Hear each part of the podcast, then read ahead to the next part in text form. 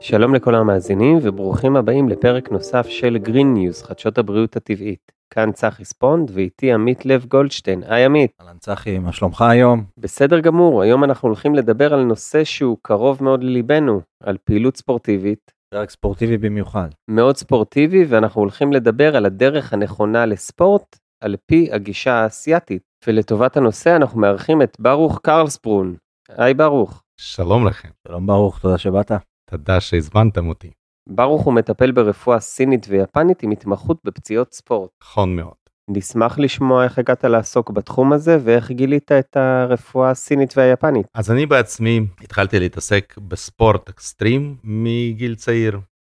אני למרות שנולדתי ברוסיה ולא היה שם תנאים אבל כבר בגיל 15 אני התחלתי לטפס ולפני זה עשיתי לא מעט טיולים rafting עם ההורים שלי ואז המשכתי למאונטנירינג ומה שנקרא ל-high mountains ואלפיניזם לגובה והמשכתי עם זה ואחר כך הגעתי לישראל והמשכתי עם זה פה ובגלל שבארץ יש ים התחלתי להתנסות ב-kite surfing וכל הדברים האלה. ואז בסופו של דבר נכון להיום אני כבר לא יכול לטפס בגלל הגיל ובגלל הפציעות שקיבלתי כי אין מה לעשות בספורט אקסטרים מקבלים פציעות ולא מעט אי אפשר להימנע מזה אבל זה רק לאלה שבאמת אוהבים.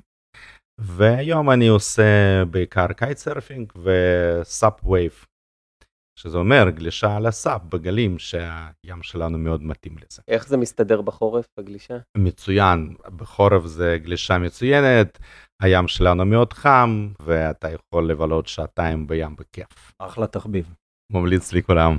אז במשך שנים כמו שאמרתי בגלל הפציעות וכן הלאה אני גיליתי שבעצם התשובה של רפואה קלאסית היא קיימת אוקיי אבל לפציעות קטנות לא, נדבר על פציעות רציניות על פציעות קטנות. זה תגובה בדרך כך אופטלגין או מקסימום לך לפיזיותרפפט או משהו כזה. והפציעות עוצרות אותנו.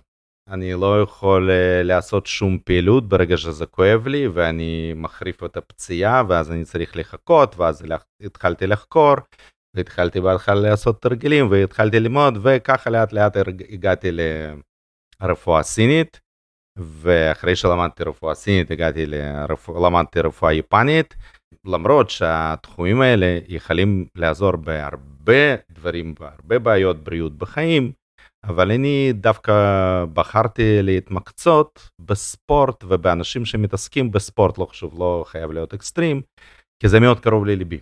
כי זה אני חושב שזה חשוב ספורט זה דבר נהדר אנחנו זזים ואז אנחנו נדבר היום אבל ממבט של רפואה סינית ויפנית ממבט אזיאתי מה זה למה בכלל ספורט למה בכלל אנחנו עושים את זה למה זה כדאי וזה הנושא של היום ואני אשמח לשתף את הידע שלי.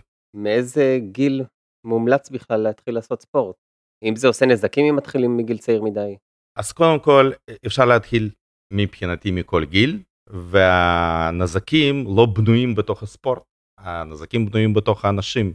הנזק יכול להיות בנגיד training הנזק יכול להיות בזה שאנחנו עושים ספורט לא נכון ואנחנו לא נדבר היום על הספורט מקצועי זה נושא נפרד לחלוטין כי קודם כל ספורט מקצועי תמיד ותמיד עושים עם מאמן מוכשר טוב שמבין במה שהוא עושה ואז בדרך כלל המאמנים האלה שעובדים עם ילדים גם מבינים ברפואת ילדים אבל אנחנו נדבר דווקא על הספורט בואו נקרא אותו חובבני או פעילות ספורטיבית.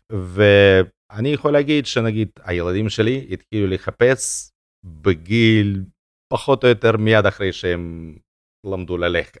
אפילו באחד מהגיידים על האיקלימנוס שזה מקום מאוד מפורסם לטיפוס ברידקשן הראשון שלו היה תמונה של שני ילדות שלי מתחת למסלול. למרות שהם היו אז בנות 4 או 5 משהו כזה. אז אפשר להתחיל מכל גיל. בדרך אגב זה לא אומר שרק בגיל 5 או 3 או 6 אלא גם אפשר להתחיל לעשות את זה בגיל 60 וגם 70. חשוב לדעת איך רק אני מניח. נכון. ורציתי לשאול לגבי הגיל הצעיר, זה יכול לגרום לעיכוב התפתחותי, אם עושים מגיל מוקדם מדי או בצורה לא אחראית? אם עושים לא אחראית, אז טענה שכן, שעומסים מאוד מאוד גדולים על המפרקים, כן גורמים לתופעות האלה. אוקיי, אני פחות רופא, אבל אני כן שמעתי וקראתי על הדברים האלה, ופה אני מאוד ממליץ לכולם, אם אתם מרגישים שהילדים שלכם מתאמנים יותר מדי, או שזה אובר, או הרגשה כזאת, תמיד תמיד להתייעץ עם רופא ספורט ילדים, יש כמה כאלה בארץ, מאוד חשוב. מאוד חשוב מבחינתי. זאת אומרת, גם אם הוא הולך למכון, אם הוא נרשם למכון כושר? שאתה מדבר על ספורט במיוחד יותר... למכון כושר, כי לצערי במכונות כושר לא תמיד המאמנים או מדריכי כושר הם מודעים לכל העניין הזה. אז במיוחד אם אנחנו מדברים על ילדים, קודם כל המלצה שלי זה להתייעץ עם רופא ספורט ילדים. מאוד חשוב, אוקיי? ופה... אה, בדרך כלל מבקשים אישור של הרופא משפחה בחדר כושר. נכון, אבל לילדים, אני אומר מניסיון שלי, יל, לילדים זה לא מספיק, כי גם טיפלתי ב...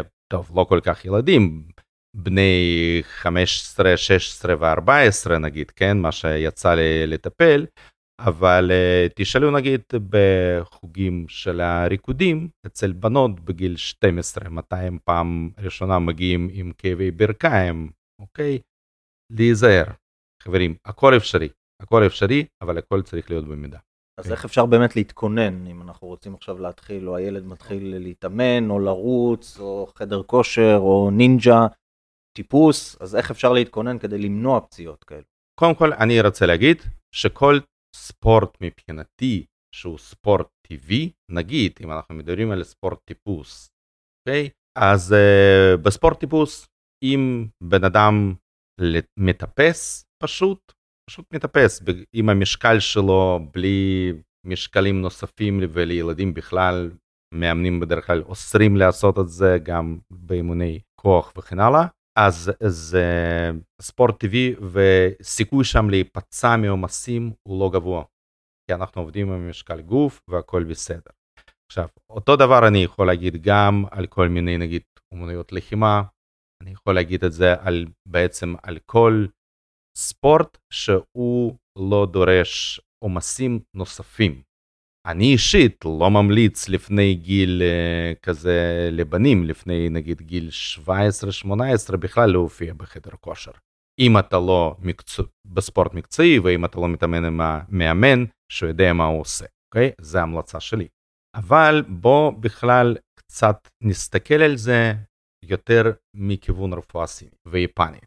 אולי אתם יודעים או לא יודעים, יש דבר שנקרא יין ויאנג, שזה אם מישהו לא יודע ורק שומע את זה פעם ראשונה, אם תיכנסו לוויקיפדיה אתם תראו שיין זה משלים של יאנג ויאנג שמשלים של יין, אינפורמציה אדירה שנותנת לנו את כל ההסבר בעולם, אבל בעצם מסתכלים על זה מבחינה פילוסופית, שזה שני דברים שמתחברים לאחד.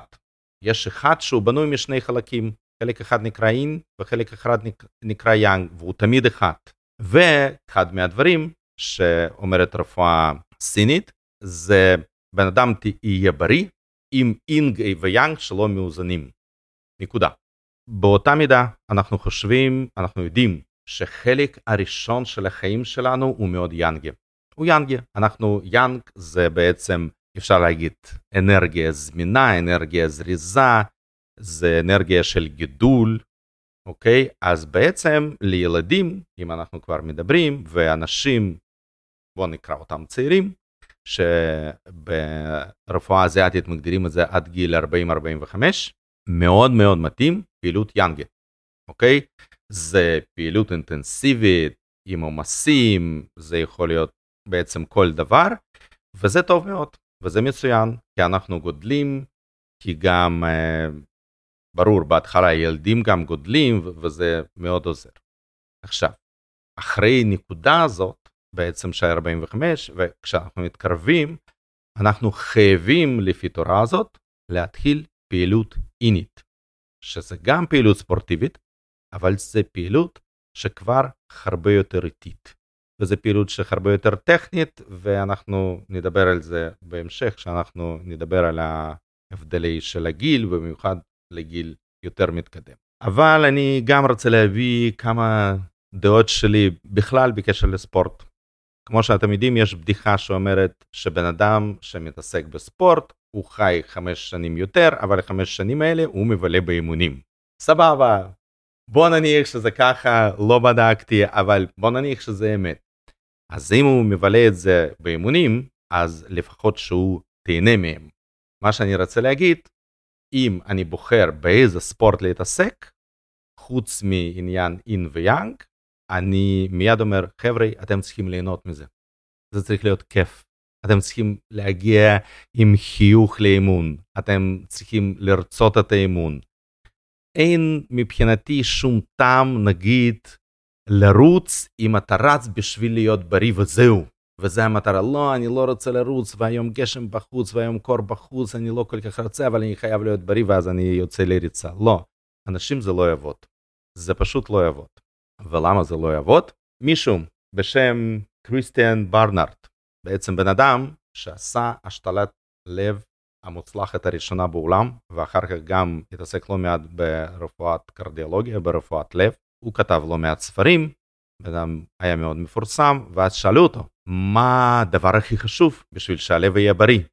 והתשובה שלו הייתה לא לעשות ספורט, לא לאכול משהו ספציפי, תהיו מאושרים, תהיו שמחים, תהיו שלמים עם עצמכם, זה הדבר הכי חשוב לבריאות הלב. אז אם אנחנו עכשיו מדברים על ספורט, אני אומר, חברים, אתם צריכים להיות שלמים עם מה שאתם עושים, ש... בשביל שזה יהיה כיף, ואז זה יתרום לכם באמת לבריאות. אם מישהו יתעסק בספורט מסוים מגיל צעיר, אז אולי הוא כן צריך אחר כך, והוא ממשיך את זה והוא אוהב את זה, אז הוא לא צריך אולי להכניס חלק, מה שנקרא, יותר איני, ספורט יותר איטי, ספורט אולי יותר טכני, עם הגיל, אבל הוא כן יכול להמשיך לרוץ. אין שום בעיה. יש לי חבר בגילי, שהוא היה אלוף של האזור איפה גרתי ברוסיה בניווט ספורטיבי, הוא רץ עד היום. הוא רץ עד היום. אני יום יום רואה בתוך הפייסבוק כמה הוא רץ לפי פולר, בכיף. אתה נראה צעיר ברוך, אני לא יודע מה זה בגילך. אני 57, סליחה, זה לא ממש צעיר, אבל. אבל אם אתם בגיל 50 והחלטתם עכשיו להתחיל לרוץ, זה ממש לא מומלץ, כי זה ספורט יאנגי לחלוטין, ריצה, ספורט עם הרבה עומסים על המפרקים, ואני בעדינות הייתי אומר שזה לא חכם לעשות דבר כזה. איך אתה מקטלג ספורט? כי זה ריצה או שמספיק, אפשר גם לצורך העניין גם לעשות הליכה וזה מספיק? אז בוא נחזור טיפה בכלל לגישה לספורט של האזיאתים. בכל ספורט אזיאתי, אחד מהדברים שהם מאוד מאוד חשובים זה דווקא פיתוח של המפרקים, פיתוח של הסיבולת, פיתוח של הגמישות, לא תמיד זה צריך להיות גמישות over נגיד, או גמישות מאוד אקסטרימית כמו בהתעמלות קרקע או משהו כזה, כי מה שקורה בכלל עם הגוף שלנו, בעצם למה אנחנו מזדקנים, למה כשאנחנו מתבגרים מתחילים לנו בעיות. רפואה אזיאתית אומרת, כי כל התהליכים בגוף שלנו מתחילים להאיט. אנחנו, הדם זורם בצורה יותר איטית, הוא הופך להיות קצת יותר וזה סמיך. וזה תקף לגברים ונשים? או ש... לגמרי, לחלוטין, זה תוקף לכולם. Uh, בדרך אגב, בכל הסיפור הזה כן הם נותנים הבדלים בין גברים ונשים, לא ניכנס לזה, זה כבר מאוד מאוד מסובך, כי הם מגדירים סייקלים של החיים, והסייקלים הוא שונים, אבל אנחנו עכשיו נדבר בכללי, כי בכללי זה גם עובד. אז uh, אחד מהדברים זה הזרימה, ואז זרימה נהיית יותר איטית בגוף, והזרימה יותר איטית זה אומר שהתגובה של הגוף היא יותר איטית, וזה אומר שאם תוקף אותנו משהו מבחוץ, בוא נגיד חיידק, או בוא נגיד קור, או בוא נגיד משהו, אז עם הגיל התגובה של הגוף יותר איטית, ואז אנחנו חולים יותר. מאוד פשוט. ואז למה בכלל לעשות ספורט? לא שאלנו את השאלה הזאת. אז התשובה האזיאתית, בגלל שהתנועה גורמת לזרימה יותר אפקטיבית בגוף, לזרימה יותר מהירה בגוף. ואז הגוף שלנו יותר להתגונן מול הבעיות חיצוניות, מול מה שנקרא evil, כמו שהם קוראים לזה, בצורה יותר טובה. אנחנו נשארים יותר בריאים. זה לא סתם שאתה תהיה יותר בריא, אוקיי? בגלל שאתה עושה ספורט, אלא בגלל סיפור מאוד פשוט. הזרימה יותר חזקה, אז זרימה בתוך הגוף יותר אפקטיבית, גם של הדם, גם של נוזלי הגוף, וגם כנראה של הדברים אחרים שאנחנו לא כל כך יודעים, שסינים קוראים לזה צ'י, וזה מה שעושה לנו יותר בריאים ויותר חזקים. אז שווה. שווה לעשות ספורט. באיזה תדירות מומלץ לעשות? תמיד בגישה אזיאתית היה כתוב שהרבה יותר טוב לעשות את זה חמש פעמים בשבוע חצי שעה, מאשר פעמיים בשבוע שעה וחצי או שעתיים. אבל לא היו לזה שום הוכחות, אף אחד לא עשה שום מחקרים, ולא מזמן יצא מחקר של הפורום הכלכלי, זה מין אה, חברה כזאת בשוויץ, שהיא לא כזה קטנה, רק 5,000 עובדים יש שם, והם עושים לא מעט מחקרים מדעיים, ואז מתברר שהרבה יותר, שזה באמת ככה. הם עשו באמת מחקר מדעי, בדקו המון אנשים, ובעצם ההמלצה שלהם היא שאימונים הכי אפקטיביים זה אימונים של ארבע וחצי, בסדר, הם שוויצרים, אז ארבע וחצי פעמים בשבוע, לא זה ברור לי איך לעשות את זה, אבל מה שזה אומר, שאנשים מתלוננים, תשמע, אין לי זמן ללכת לעשות ספורט, אין לי זמן ללכת לחדר כושר, אין לי זמן ללכת לגלוש, אין לי זמן ללכת לטפס, או לא יודע, אפילו לרוץ או משהו כזה. אני אומר, אנשים, תמצאו חצי שעה ביום, תמצאו חצי שעה ביום, תמיד אפשר למצוא חצי שעה ביום. תעשו תוכנית, תעשו פעילות, תעשו מה שאתם אוהבים. חצי שעה ביום, אוקיי? ואם אתם תאהבו את זה, תאמינו לי, אתם תשתדלו לעשות את זה חמש פעמים בשבוע. כי אתם אוהבים את זה, כי זה תהליך שהוא כיפי, שאנחנו אוהבים אותו, שאנחנו נשאפים בתוכו. וזה באמת אה, דבר מאוד רציני. יש לך טיפים שאתה יכול לתת באמת למי שעובד במשרד ורוב היום נמצא בישיבה, האם uh, לעלות במדרגות לצורך העניין זה טוב או לא טוב, במקום להשתמש במעלית? קודם כל, כל התנועה היא טובה, כמו שאמרנו. כל תנועה שאנחנו נעשה בעצמנו היא טובה, אוקיי? תנועה במכונית לא נחשבת, כי אנחנו לא זזים, זה רק מכונית זזה, אוקיי? מה שנחשב זה תנועה של הגוף. אז אמ, אם אתם רוצים, תמצאו מה שאתם יכולים לעשות. גם במשרד, אני אישית, כשעוד לא טיפלתי באנשים ועוד לא היה לי קליניקה וכן עבדתי בתוך משרד, הייתי תמיד מוצא זמן לקום, למצוא איזושהי פינה, והיום במלא משרדים כבר יש את הפינה הזאת, ולעשות שם משהו, עשר דקות. אני אישית, אני יכול להגיד, אני כבר המון המון שנים אני עושה צ'יקונג, אז זה מאוד פשוט, כי אני פשוט עושה שם תרגילים של צ'יקונג, אבל תראו, כל תרגילים הם טובים. כל התרגילים, כל התנועה, לא חשוב מה תעשו. ויש משמעות אם אני עושה אימון בבוקר או בערב? פה יש גם מה להגיד לרפואה סינית. עכשיו, יש דבר כזה שנקרא שעון סיני. מתי איזה מערכת שלנו אקטיבית. אבל נגיד, לפי מערכת הזאת, הריצה הכי אפקטיבית זה ב-11 בבוקר. איזה יופי, עכשיו אנחנו נעזוב הכל, נזרוק הכל, ב-11 בבוקר נלך לרוץ. זה לא בדיוק עובד. עכשיו, אני אישית מצאתי שזה בהתאם לאנשים. אנשים שיותר טוב להם בבוקר, שיותר טוב להם בערב, ובאמת, פה אה, אני חושב שיש אה, לא כדאי, מה שלא כדאי, וזה חד משמעי, זה לעשות אימונים ארוכים עם הרבה עומס ממש ממש לפני שינה. זה לא כדאי. זה לפחות ככה שעתיים לפני שינה, שעוד פעם מזיז אותנו לאיזשהו זמן של שבע בערב, שאנחנו צריכים לעשות את זה שש, שבע בערב, ואין זמן הזה, כי זה זמן מאוד עמוס, אוקיי? אבל בכל זאת, יש, בוק... יש אנשי בוקר, יש אנשי ערב, ותבחרו לעצמם.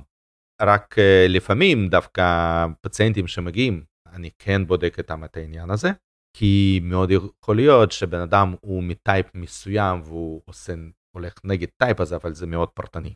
אני אישית ניסיתי, זה גם, האמת, בבוקר להתאמן, אני מתאמן בחדר כושר, אז גם בבוקר הלכתי מספר פעמים, והייתה לי תקופה שהלכתי בערב, ומצאתי לנכון שדווקא בוקר לי יותר מתאים, אני פותח את היום עם אנרגיות, אחרי מקלחת, וזה ממש אה, נותן לי בוסט לכל היום, זה מדהים. מצוין, אבל זה, זה דווקא מאוד אישי, ובן אדם צריך להתאים את זה לדברים שהוא עושה.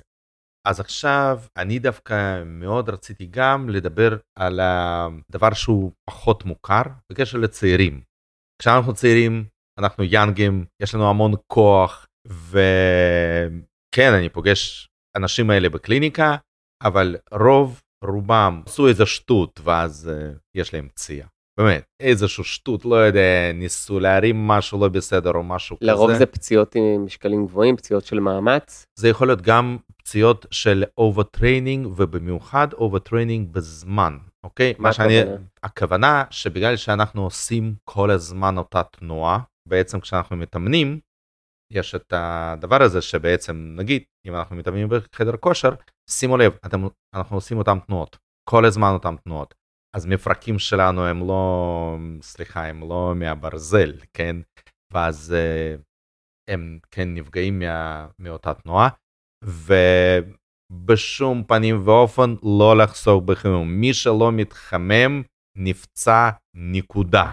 אני אומר את זה במיוחד בקול כזה כי אני רואה את זה משמאל ולימין זה דבר אחד ובסוף האימון מתיחות הוא גם חובה. בכל ענף אה, ספורט שעושים? לא חשוב. בסוף מתיחות זה דבר מאוד מאוד חשוב. אתם יודעים מה? תסתכלו על אנשים שעושים ספורט הרבה שנים והם כן מעבר לחמישים. תסתכלו איך הם מתנהגים. למה? יש להם ניסיון. הם יודעים מה טוב ומה לא טוב, מה פוגע ומה לא פוגע, אוקיי?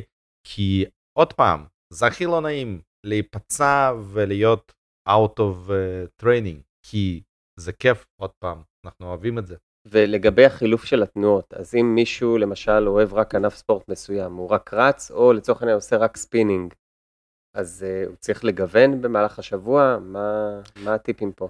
קודם כל, אני מאוד ממליץ לגוון. עכשיו, הגיוון שלו, בדרך אגב, מאוד יכול להיות בחימום. שהוא יעשה חימום, שהחימום הזה לוקח לא שני דקות ולא חמש דקות, אלא נגיד רבע שעה או עשרים דקות, ובחימום הוא כן מחמם את כל המפרקים. עוד פעם, שימו לב, אני מאוד שם דגש על המפרקים. מבחינתי, חימום, אנחנו מחממים מפרקים. כי השרירים יתחממו לבד. ברגע ש... שאנחנו נשים לב איזה מפרקים אנחנו מחממים, תאמינו לי, השרירים יתחממו לבד. ועוד פעם אנחנו מדברים על ספורט פחות או יותר חובבני, אנחנו לא מדברים על המקצועי, כי שם חוקים הם אחרים, שם חוקים הם שונים לגמרי. אני עוד פעם חוזר על זה, וזה חשוב. עכשיו, גם אם אנחנו נעשה רק ספינינג, נגיד, כן, כאלה אני לא מכיר, אבל אני כן מכיר אנשים שעושים רק ריצה. אבל תחשבו רגע, בקשר לריצה, כמה דברים זזים לנו בגוף כשאנחנו רצים. כל האיברים בגוף זזים, לא? הכל, הכל, הכל זז לנו בגוף, כי ריצה, מבחינתי בדרך אגב, זה ספורט טבעי. אנחנו לא משתמשים במכשיר מסוים שמקבל לנו את התנועה, אנחנו לא עושים שום דבר כזה, אוקיי?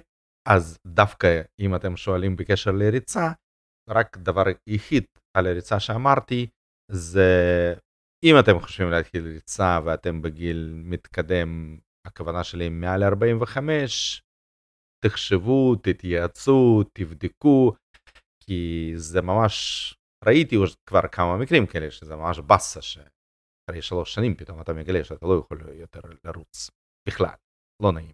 ואז אתה עובר למשהו אחר. אבל אם אני. בגיל 45, אני קובע לעצמי יעד שאני רוצה לרוץ מרתון, אז מה, להתחיל מהליכה קודם, ואז להגביר לאט לאט, מה, או שלזנוח לגמרי? לא. קודם כל, להתחיל בקטן, ולחזק, ולהתייעץ עם אלה שכבר רצים, במיוחד עם המבוגרים, כי הם יודעים מה קרה להם במעבר הזה. כולם חווים את המעבר הזה, אין דבר כזה שאנשים לא קובעים את המעבר בגיל 45, כמעט ולא. מקסימום יפגשו אותך. כן, מקסימום, כן, עוד, אתם יודעים מה, יאללה, תרוצו, תתחילו לא, לרוץ אנחנו- מרתון, קליניקה זה פתוחה. בצחוק כמובן, אנחנו כן, מאחלים כן, בריאות לגמרי. לא, לא, חס וחלילה. אז בואו נדבר טיפה על האנשים שכן רוצים להתחיל לעשות ספורט בגיל 45, וזה טוב, וזה מעולה. ופה ההמלצה שלי זה סוגי של ספורט שאני קורא סוגי ספורט טכניים. עכשיו, מה זה טכני? זה ספורט שדורש פחות כוח ופחות זריזות, אבל הרבה יותר דיוק של התנועה. יש לזה בעצם גם הסבר ברפואה רגילה, באנטומיה רגילה, וגם באנטומיה סינית, ורפואה סינית, ורפואה יפנית, וכל הענף האזיאתי. קודם כל, מה שקורה, שעוד פעם, עם הזדקנות קוראים לנו כמה דברים, ואם אתם לא יודעים, אני יכול להגיד ש-80% מהפציעות אצל מבוגרים, אה, מבוגרים מבוגרים, אני מתכוון גיל 70 פלוס, קורים בבית, וחלק גדול מהם קורה מהנפילות. פשוט בן אדם נפל בבית. בגיל הזה, כשאנחנו נופלים בבית, ואנחנו אפילו ספורטאים, זה כבר בעיה. זה יכול להיות פציעה מאוד מאוד רצינית, ולא כדאי להגיע לזה. עכשיו, למה זה קורה? אחד מהדברים, כי אנחנו מאבדים בלנס.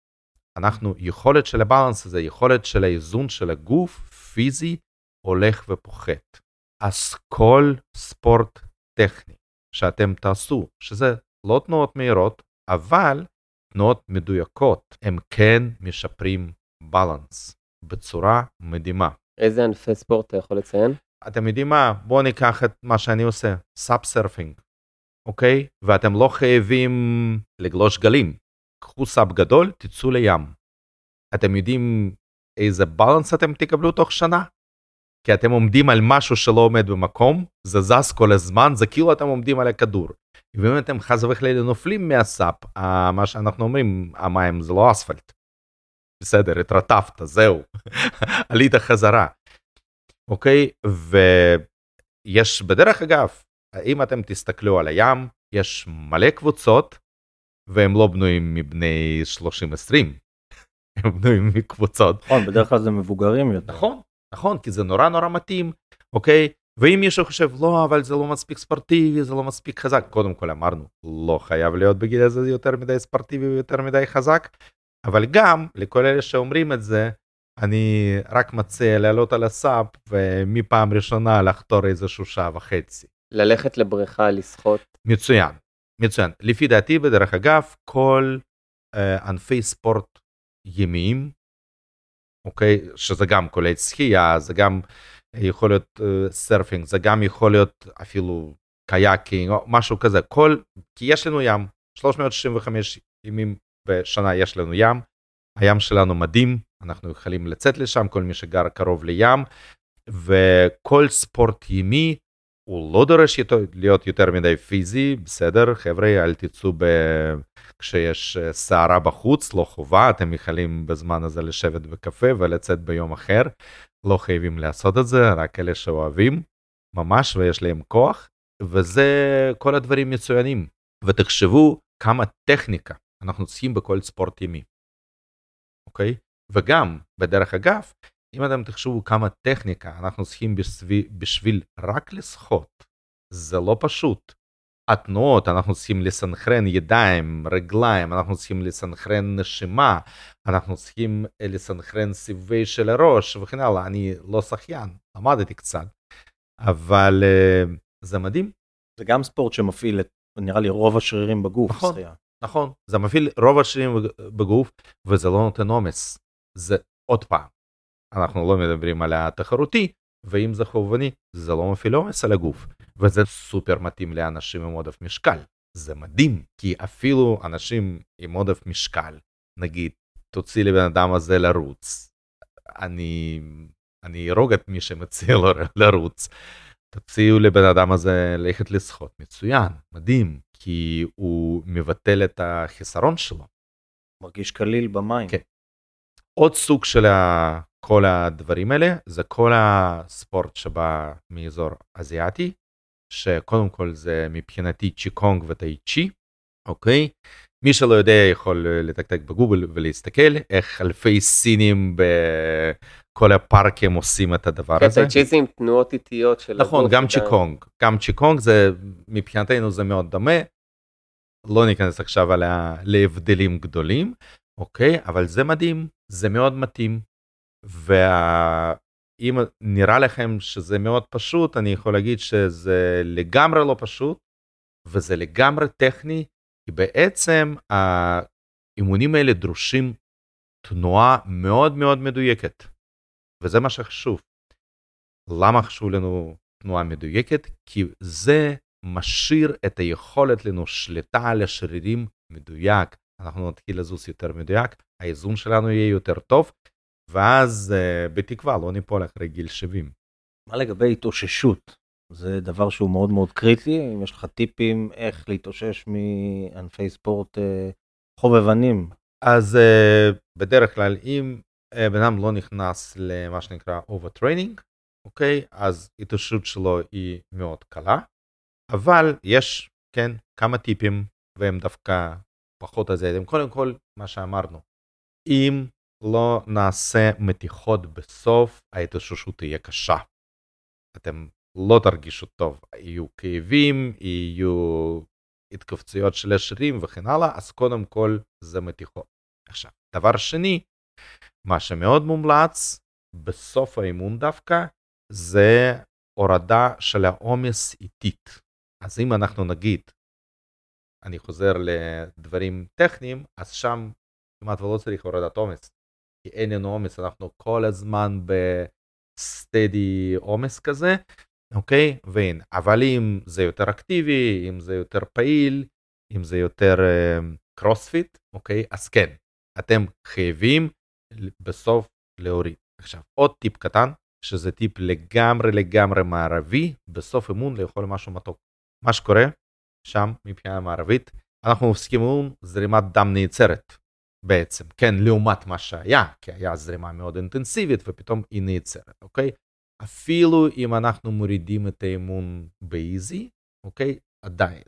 ומה שקורה, שאחד מהדברים שבעצם גורמים להאטה הזאת זה אדרנלין, שאנחנו מפסיקים גוף מפסיק לזרוק אדרנלין בתוך הדם, ואז אם אנחנו נאכל משהו מתוק קטן, חברים קטן, מתוק קטן, זה יגרום להמשך של זרימת דם.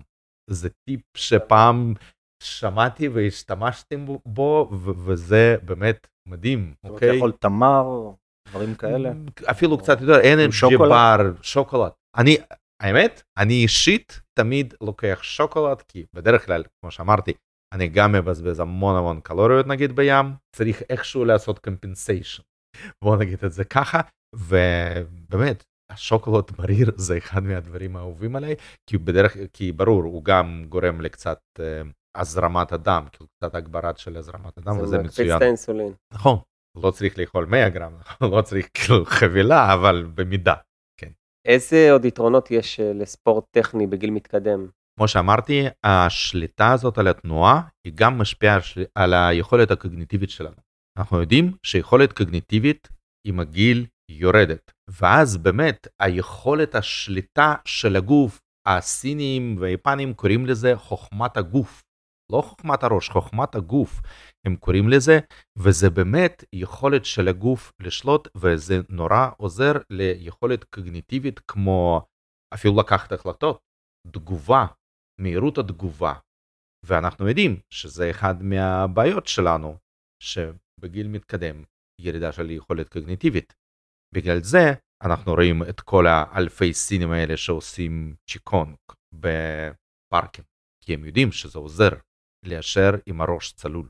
ברוך, אני חייב לציין שהיה מאוד מאוד מעניין, ולקראת סיום רצינו באמת אה, סיכום קצר לאיזה סוגי פציעות אפשר להגיע אליך, במה אתה מטפל.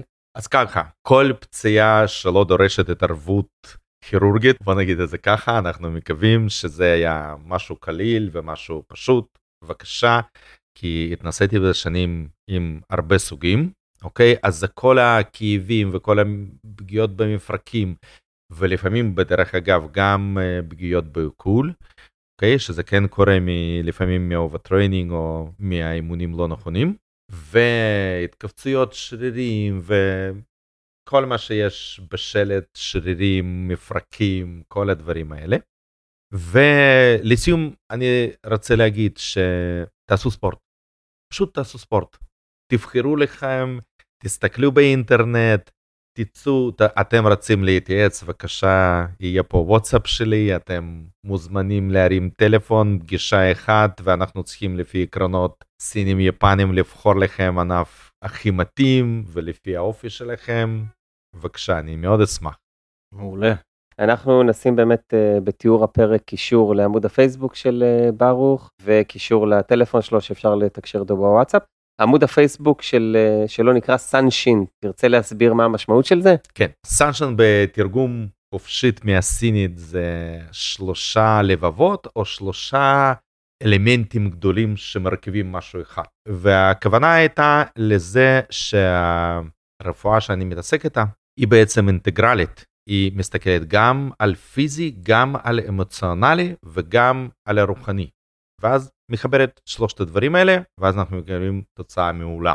אוקיי? בגלל זה אני אומר שהגישה הפרטנית יכולה מאוד לעזור לכל בן אדם מה לבחור במה להתעסק. יפה מאוד. תודה תודה רבה רבה. ברוך. היה מאוד מעניין. בבקשה, היה מאוד נעים.